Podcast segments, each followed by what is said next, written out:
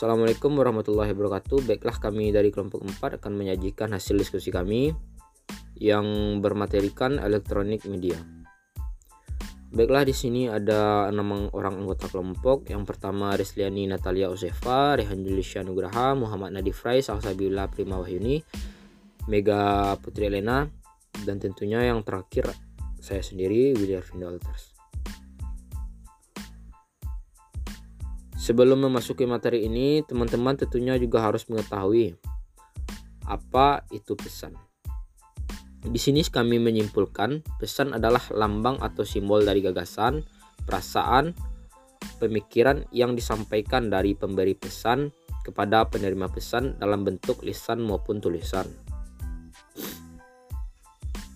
Pada slide kedua, teman-teman dapat melihat yang pertama di sana ada social network atau jaringan sosial adalah suatu struktur sosial yang dibentuk karena hubungan kesamaan dari suatu atau lebih tipe relasi seperti lain, nilai, visi, misi, hobi, dan keturunan.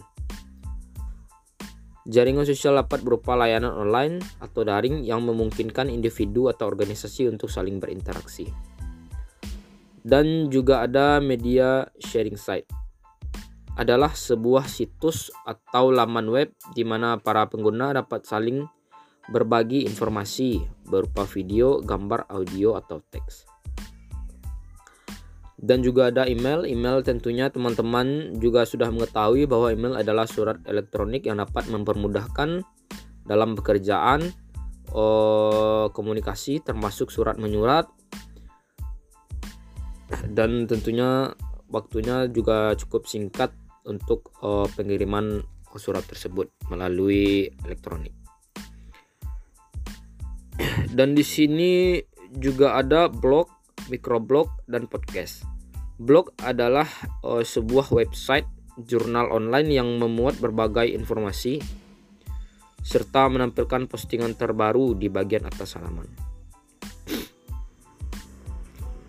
Dan microblogging dari namanya saja sudah mikro yang tentunya berarti kecil dan perbedaan paling signifikan antara mikroblok dengan blok adalah dalam ukurannya. Dan juga ada podcast di sini ya teman-teman. Oh, adalah rekaman diskusi audio tentang topik tertentu seperti bisnis atau perjalanan yang dapat didengarkan. Podcast biasanya berbentuk siaran audio yang ditemukan uh, di iTunes dan Spotify. Tetapi saat ini mulai menjamur dan berkembang menjadi konten YouTube oleh sebagai beberapa konten creator.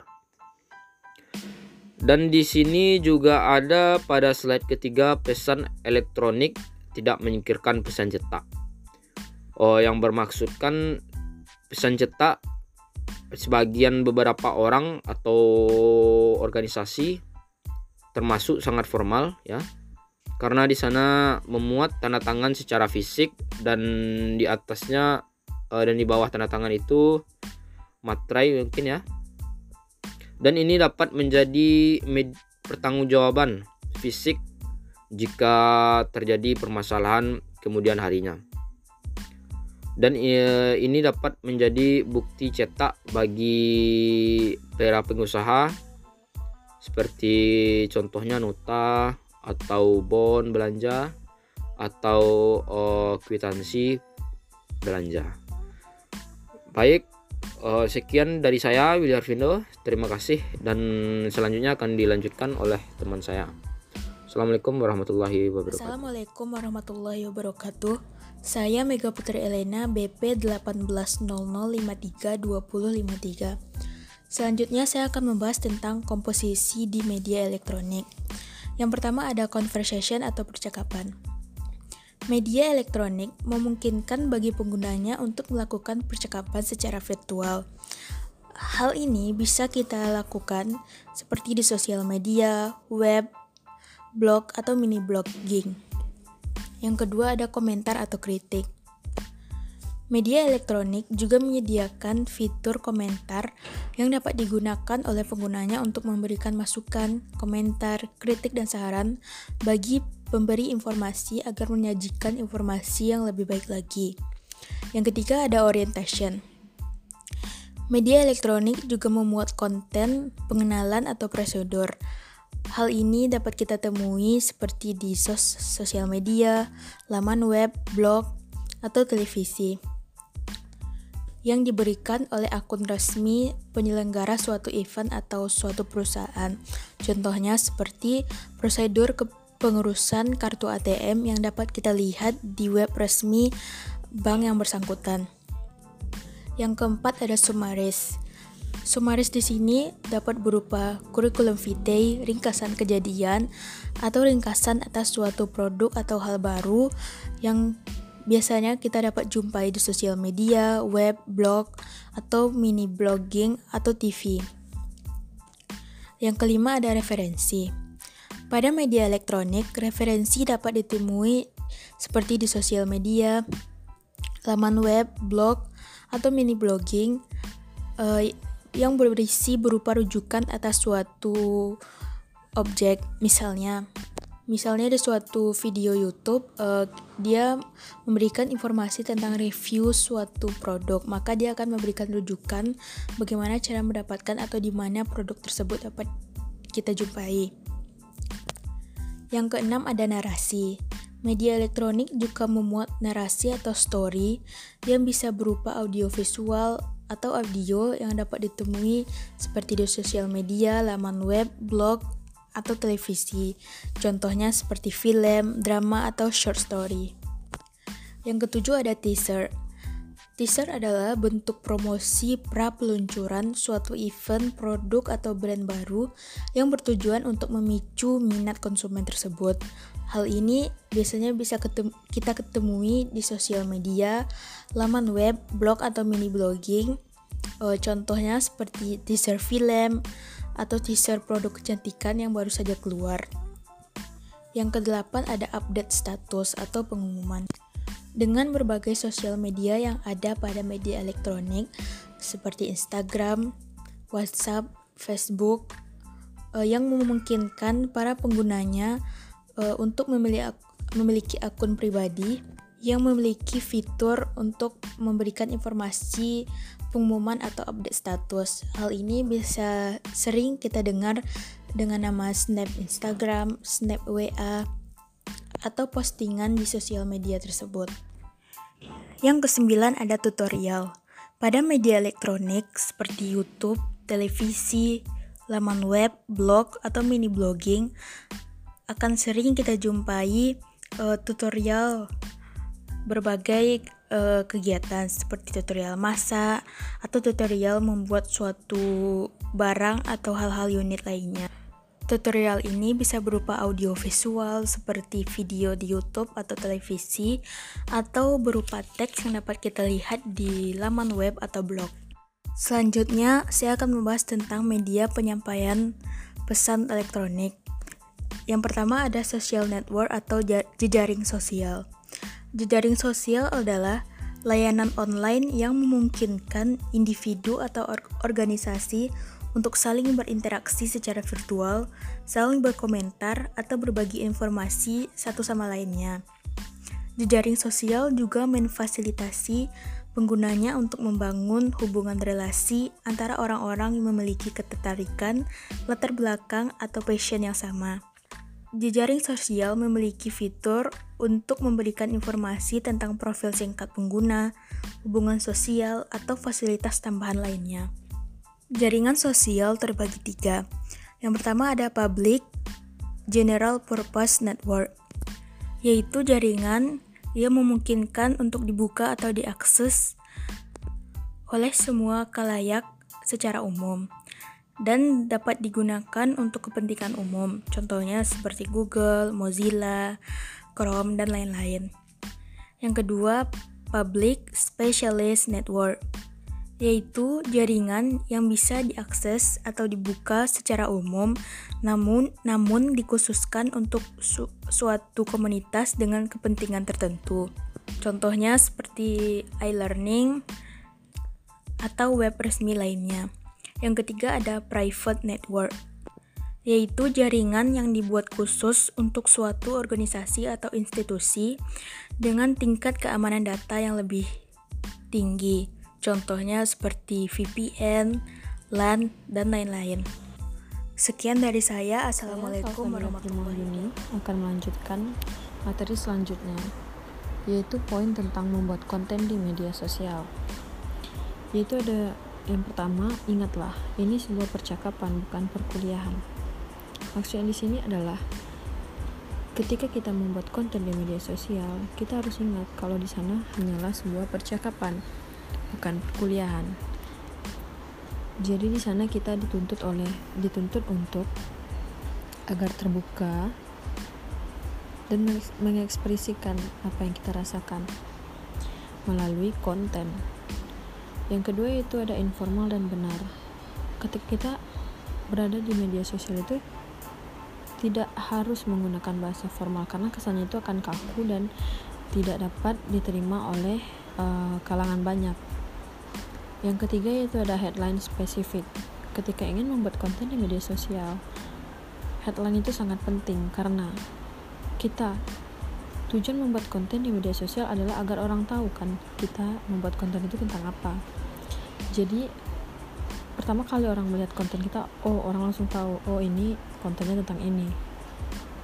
Itu maksudnya headline spesifik selanjutnya itu menerima kritik dan memperbaiki. Media sosial itu adalah media yang digunakan oleh orang banyak. Di sana orang bebas menyukai atau tidak menyukai kita. Ada kalanya ketika konten yang kita buat itu tidak diterima oleh beberapa pihak jadi kita harus siap menerima kritik dan dari kritik itu kita olah lagi olah lagi dan akhirnya kita memperbaiki untuk ke depannya agar konten yang kita buat selanjutnya lebih baik dari konten yang sebelumnya. Yang selanjutnya itu berpromosi secara indirect. Maksudnya di sini ialah kita melakukan promosi di media sosial itu secara tidak langsung karena kita tidak harus turun tangan langsung ke turun tangan untuk melakukan promosi ke orang-orang dengan memberikan brosur, pamflet atau yang lainnya. Selanjutnya itu transparan dan jujur. Transparan di sini ketika membuat konten, kita harus membuat konten itu jelas dan tidak ada yang ditutup-tutupi. Selanjutnya itu jujur. Next yaitu atasi illusion of control and the end think before you post. Maksudnya di sini ialah kita harus berpikir dulu. Ketika kita ingin membuat konten di media sosial yang akan dilihat oleh orang banyak kita harus memperhatikan dulu isi kontennya apa. Apakah ini layak diterima orang atau tidak dilihat oleh orang banyak. Karena di media sosial itu tidak tidak ada batasan orang-orang untuk melihat sesuatu yang akan kita post. Selanjutnya saya akan membahas mengenai peran social network dalam komunikasi bisnis. Poin pertama berbunyi integrasi perusahaan atau kolaborasi. Yang kedua berbunyi membangun komunitas.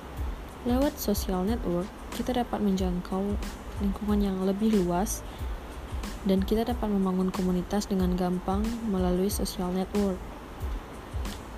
Yang ketiga yaitu mensosialisasikan merek dan perusahaan. Di sini peran social network sangat penting dan berpengaruh dalam mensosialisasikan merek perusahaan kita. Karena dengan social network yang jangkauannya tidak terbatas, kita dapat mensosialisasikan perusahaan kita kepada orang banyak. Jadi orang jadi tahu tentang perusahaan kita. Yang keempat yaitu memahami target pasar. Kita juga bisa memanfaatkan social network ini untuk mengetahui siapa yang kita tuju menjadi target pasar kita. Jadi kita dapat mengaup keuntungan dengan semaksimal mungkin ketika kita menempatkan target yang tepat dalam berbisnis. Yang kelima, merekrut tenaga kerja dan partner. Dengan bantuan social network, kita dapat merekrut tenaga kerja dan partner dengan lebih mudah karena kita bisa memanfaatkan media sosial tadi untuk mencari tenaga kerja baru untuk bisnis kita. Selanjutnya yang terakhir yaitu mendukung dan mencari konsumen. Dengan memanfaatkan social network dengan baik, kita dapat mencari konsumen kita secara lebih banyak, menyeluruh, dan lebih tepat. Sekian penjelasan dari saya, selanjutnya akan dilanjutkan oleh teman saya. Sekian dan terima kasih. Informasi dan media sharing sheet. Media sharing sheet adalah sebuah situs atau laman web di mana para pengguna dapat saling berbagi informasi berupa video, gambar, audio, atau teks dengan pengguna lain dalam situs tersebut. Jenis website berdasarkan sifat. Yang pertama, website statis. Secara sederhana, website statis dapat didefinisikan sebagai website yang kontennya konstan atau tidak berubah. Setiap laman dibuat dengan kode HTML dengan menunjukkan informasi yang sama kepada setiap pengunjung. Hanya webmaster atau developer yang bisa melakukan update pada konten website statis. Umumnya, website statis dibuat dengan menggunakan HTML dan CSS oleh developer yang memahami pemrograman dan coding. Ada juga bisa menggunakan generator statis seperti Jekyll, Hexo, atau Hugo. Karena website statis tidak membutuhkan update konten secara berkala, Website statis tidak memerlukan database. Biasanya, website statis digunakan untuk website perusahaan yang hanya perlu memberikan informasi-informasi dasar seperti alamat, kontak, dan sejarah perusahaan. Yang kedua, website dinamis merupakan website yang kontennya selalu diupdate secara berkala.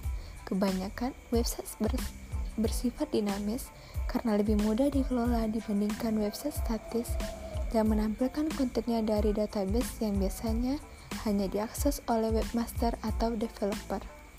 Meskipun begitu, website dinamis memungkinkan untuk memiliki beberapa user yang bisa melakukan update konten website tanpa mengganggu desain web. Email Email singkatan dari electronic mail, yang artinya surat elektronik. Email dikirim bukan melalui kantor pos atau jasa pengiriman, tetapi melalui jaringan internet dan semuanya selalu berhubungan langsung dengan internet. Melalui email, kita dapat mengirimkan surat elektronik baik berupa teks maupun gabungan dengan gambar yang dikirimkan dari satu alamat email ke alamat lain di jaringan internet. Apabila kita mengirimkan surat melalui email, kita dapat memperoleh beberapa keuntungan. Antara lain, dengan menggunakan email, surat, atau informasi yang kita kirim ke alamat lain akan secara langsung diterima. Selain itu, biaya yang kita keluarkan cukup murah, bahkan bisa dibilang gratis. Sebuah alamat email biasanya memiliki format semacam username underscore host man. Saat ini, ISP yang menyediakan layanan pembuatan email secara gratis adalah gmail.com, yahoo.com, plaza.com, dan lain-lain. Sebagai contoh, kita membuat email melalui yahoo.com. Kegunaan email Zaman sekarang, email telah berkembang pesat sehingga menjadi kegunaan email yang bervariatif, seperti untuk mengirim dan menerima email. Selain itu, juga berguna sebagai untuk mengirim dan menerima pesan, email untuk mendaftar akun sosial media, berkomunikasi atau chatting dengan cepat, tak terbatas jarak dan bebas pulsa lokal, berlangganan artikel dari website, menawarkan produk, barang atau jasa, mailing list bergabung di diskusi. Di forum mailing list bergabung berdiskusi di forum. Macam-macam email email dapat dibagi berdasarkan kegunaan email itu sendiri. Ada tiga jenis email dari pembagian tersebut di antaranya pop mail webmail, dan forward. Lalu, macam-macam email di bawah ini merupakan jenis email webmail yang mempunyai layanan gratis.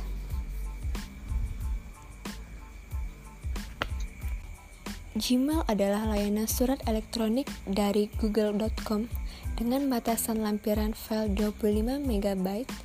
Awalnya Gmail tersedia versi web saja, namun sekarang tersedia di aplikasi Android, iPhone, dan Windows Phone. Yang kedua Yahoo Mail, yaitu email dari perusahaan Yahoo. Ini awal perkembangannya Juli 2004, lalu sudah melakukan pembaruan versi Ajax pada Agustus 2007. Ukuran lampiran email Yahoo sama persis dengan Gmail, yaitu 25 MB. Yang ketiga, Outlook adalah layanan email gratis dari Microsoft yang memberikan pelayanan email, kalender, dan juga tempat menyimpan file tapi memiliki batas lampiran file yang kecil, hanya sebesar 20 MB. Di sini letak perbedaan Outlook dengan Gmail dan Yahoo Mail. Yang keempat, Owl Mail adalah sebuah layanan webmail gratis buatan Owl. Kadangkala, pengguna dirujuk ke AIM dengan kepanjangan dari Owl Instant Messenger dan batasan lampiran emailnya berukuran 25 MB juga. Yang kelima, Mail adalah pelayanan email dari Apple Inc. yang digunakan untuk perangkat besutan Apple, misalnya iPhone, iPod, iPad Touch. Ukuran lampiran file dari eCool Mail ialah fleksibel karena tergantung kepada layanan email apa. Yang keenam, Yandex Mail adalah penyedia layanan webmail gratis dari perusahaan internet yang berasal dari Rusia yang dapat digunakan untuk email domenan. Selain terkenal dengan produk emailnya Yandex, juga membuat mesin penelusur serupa dengan Google, Bing, Yahoo, Baidu, dan lain-lain.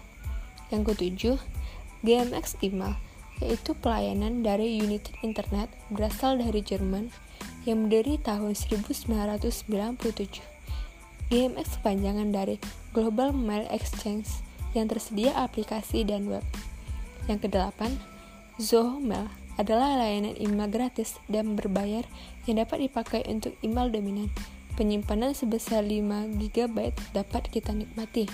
Yang kesembilan, mail.com ialah layanan email yang berasal dari Jerman dengan perusahaan United Internet dengan penawaran penyimpanan email unlimited Artikel berita dan video juga kita jumpai dari layanan webmail tersebut. Yang terakhir yang ke-10, Lycos Email adalah layanan yang sama tentang email gratis yang didirikan oleh perusahaan mesin pencari Lycos Assalamualaikum warahmatullahi wabarakatuh. Saya akan melanjutkan pembacaan materi yaitu instant message. Instant message mirip, mirip dengan email dalam beberapa hal. Instant message memungkinkan dua orang untuk berkomunikasi secara online pada waktu yang sama. Pesan dalam percakapan Message ditampilkan dalam jendela khusus pada setiap layar komputer. Pesan akan muncul segera setelah dikirim. Sebuah dialog yang diketik antara dua orang terbentang ke bawah layar. Kebanyakan pesan dalam dialog instant message singkat. Biasanya hanya beberapa kata atau kalimat. Kita bisa menyebut IM dengan chat. Untuk mengirim dan menerima pesan instan, pengguna harus memiliki akun IM lewat penyedianya, Yahoo, Messenger, dan Windows Live. Messenger adalah penyedia yang populer. Akun IM menyediakan pengguna dengan nama layar atau nama pengguna. Orang-orang lain yang ingin berkomunikasi dengan IM juga harus memiliki akun pada operator yang sama. IM membawa risiko. Pengguna IM sebaiknya tidak berkomunikasi dengan siapa pun yang tidak mereka kenal. Dan mereka sebaiknya tidak mengirimkan informasi pribadi melalui IM. Percakapan IM dapat dibajak dan dicuri. Seperti email, IM sekarang dapat dipertukarkan pada tablet dan smartphone. Beberapa situs media sosial, termasuk Facebook, memiliki layanan IM atau Facebook Messenger. Dua per tiga dari pengguna internet di Amerika Serikat berkomunikasi melalui IM dan kini semakin banyak aplikasi di platform Android yang menawarkan kemudahan berkomunikasi lewat IM secara gratis. Misalnya BBM, WhatsApp, Line, WeChat, dan sebagainya. Komunikasi kian mudah dan murah di era Android. Sekian terima kasih. Microblogging. Wikipedia menyatakan bahwa microblogging adalah salah satu bentuk blog Perbedaan antara microblog dengan blog biasa bisa ditebak dari namanya. Mikro berarti kecil.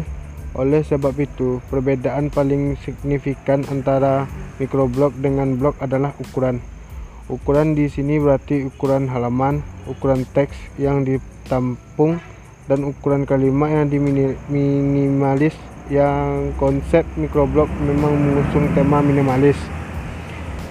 Konsep yang minimalis dan tidak banyak repot membuat microblog bersifat lebih praktis dan mudah digunakan ketimbang blog tradisional. Akan tetapi, konsep minimalis ini sering mengakibatkan fitur-fitur dan kelengkapan microblog tidak selengkap blog tradisional. Ada beberapa fitur dan kelengkapan yang mesti dibuang agar microblog dapat mempertahankan kepraktisan dan minimalitasnya. Dari penjelasan-penjelasan panjang di atas, akhirnya dapat ditarik kesimpulan bahwa microblog dapat didefinisikan sebagai model blog yang memiliki konsep minimalis dan mudah untuk digunakan. Microblog adalah konten singkat yang dirancang untuk interaksi audiens yang cepat microblogging, memudahkan berkomunikasi dengan audiens dengan cepat daripada menulis halaman teks blog mikro memungkinkan koneksi percakapan yang cepat dengan pelanggan. Pesan microblogging pendek muncul dalam berbagai format konten, termasuk audio, video, gambar, dan teks. Tren microblogging dimulai ketika media sosial muncul untuk memberikan cara yang, yang lebih cepat bagi perusahaan untuk melibatkan pelanggan. Ini juga membuat pelanggan dapat menginformasi tentang konsep yang lebih lama di situs web Anda. Microblogging merupakan kombinasi dari blogging dan instant instant message atau pesan instan yang memungkinkan pengguna untuk membuat pesan pendek untuk diposting dan dibagikan kepada audiens secara online. Platform sosial seperti Twitter telah menjadi bentuk yang sangat populer dari jenis blogging baru ini terutama dalam web seluler yang membuatnya jauh lebih nyaman untuk berkomunikasi dengan orang-orang dibandingkan dengan hari-hari ketika penjelasan World Wide Web (WWW) dan interaksi pun menjadi sebuah norma. I, manfaat dan menggunakan microblogging yang harus kalian ketahui adalah sebagai berikut. Yang pertama, lebih sedikit waktu untuk mengembangkannya. Eh, yang kedua lebih hemat waktu untuk potongan konten secara individual. Yang ketiga postingan jadi lebih singkat dan sering dan sering. Yang kelim, keempat cara mudah untuk berbagi informasi. Yang kelima cara mudah langsung berkomunikasi dengan audiens. Yang keenam kenyamanan pengguna. Yang ketujuh uh, berkesan berikut ini adalah beberapa macam dan jenis platform microblogging yang populer dan harus kalian ketahui. Yang pertama Twitter. Twitter adalah salah satu platform sosial tertua dan paling terkenal yang ditempatkan di bawah kategori microblogging. Dengan batas waktu 280 karakter sekarang. Anda sekarang juga dapat juga membagikan video, link, tautan, artikel, foto, GIF, klip, suara, dan lainnya melalui Twitter Core dan kartu Twitter selain teks biasa. Yang kedua, Tom, Tum, Tumblr. Tumblr mengambil inspirasi dari Twitter tetapi memiliki keterbatasan. Walau mereka memiliki banyak banyak fitur, Anda tentu dapat memposting postingan blog yang panjang jika Anda mau tetapi sebagian besar pengguna menikmati postingan yang banyak yang banyak dan banyak postingan individual konten visual seperti Photoshop dan gambar GIF. Yang ketiga Instagram. Instagram adalah satu dan seperti jurnal foto untuk ke mana pun untuk anda pergi daripada menggugah banyak foto ke album seperti yang biasa kita lakukan melalui web desktop. Yang keempat Fin. Hadirnya YouTube membuat video vlogging atau vlogging menjadi populer ketika orang-orang memulai mengunggah video biasa dari diri mereka sendiri menjalani hidup mereka atau berbicara tentang apa yang menarik bagi mereka. Yang kelima, Pinterest. Pinterest. Pinterest adalah jaringan media sosial yang memungkinkan pengguna pengguna berbagai gambar yang terkait dengan proyek proyek, proyek barang dan layanan dan secara visual menemukan minat baru dengan menelusuri gambar yang telah diposting dipostkan orang lain Anda dapat menganggap Pinterest seperti papan pin atau papan bulletin berbasis web tetapi dengan fungsi organisasi yang lebih besar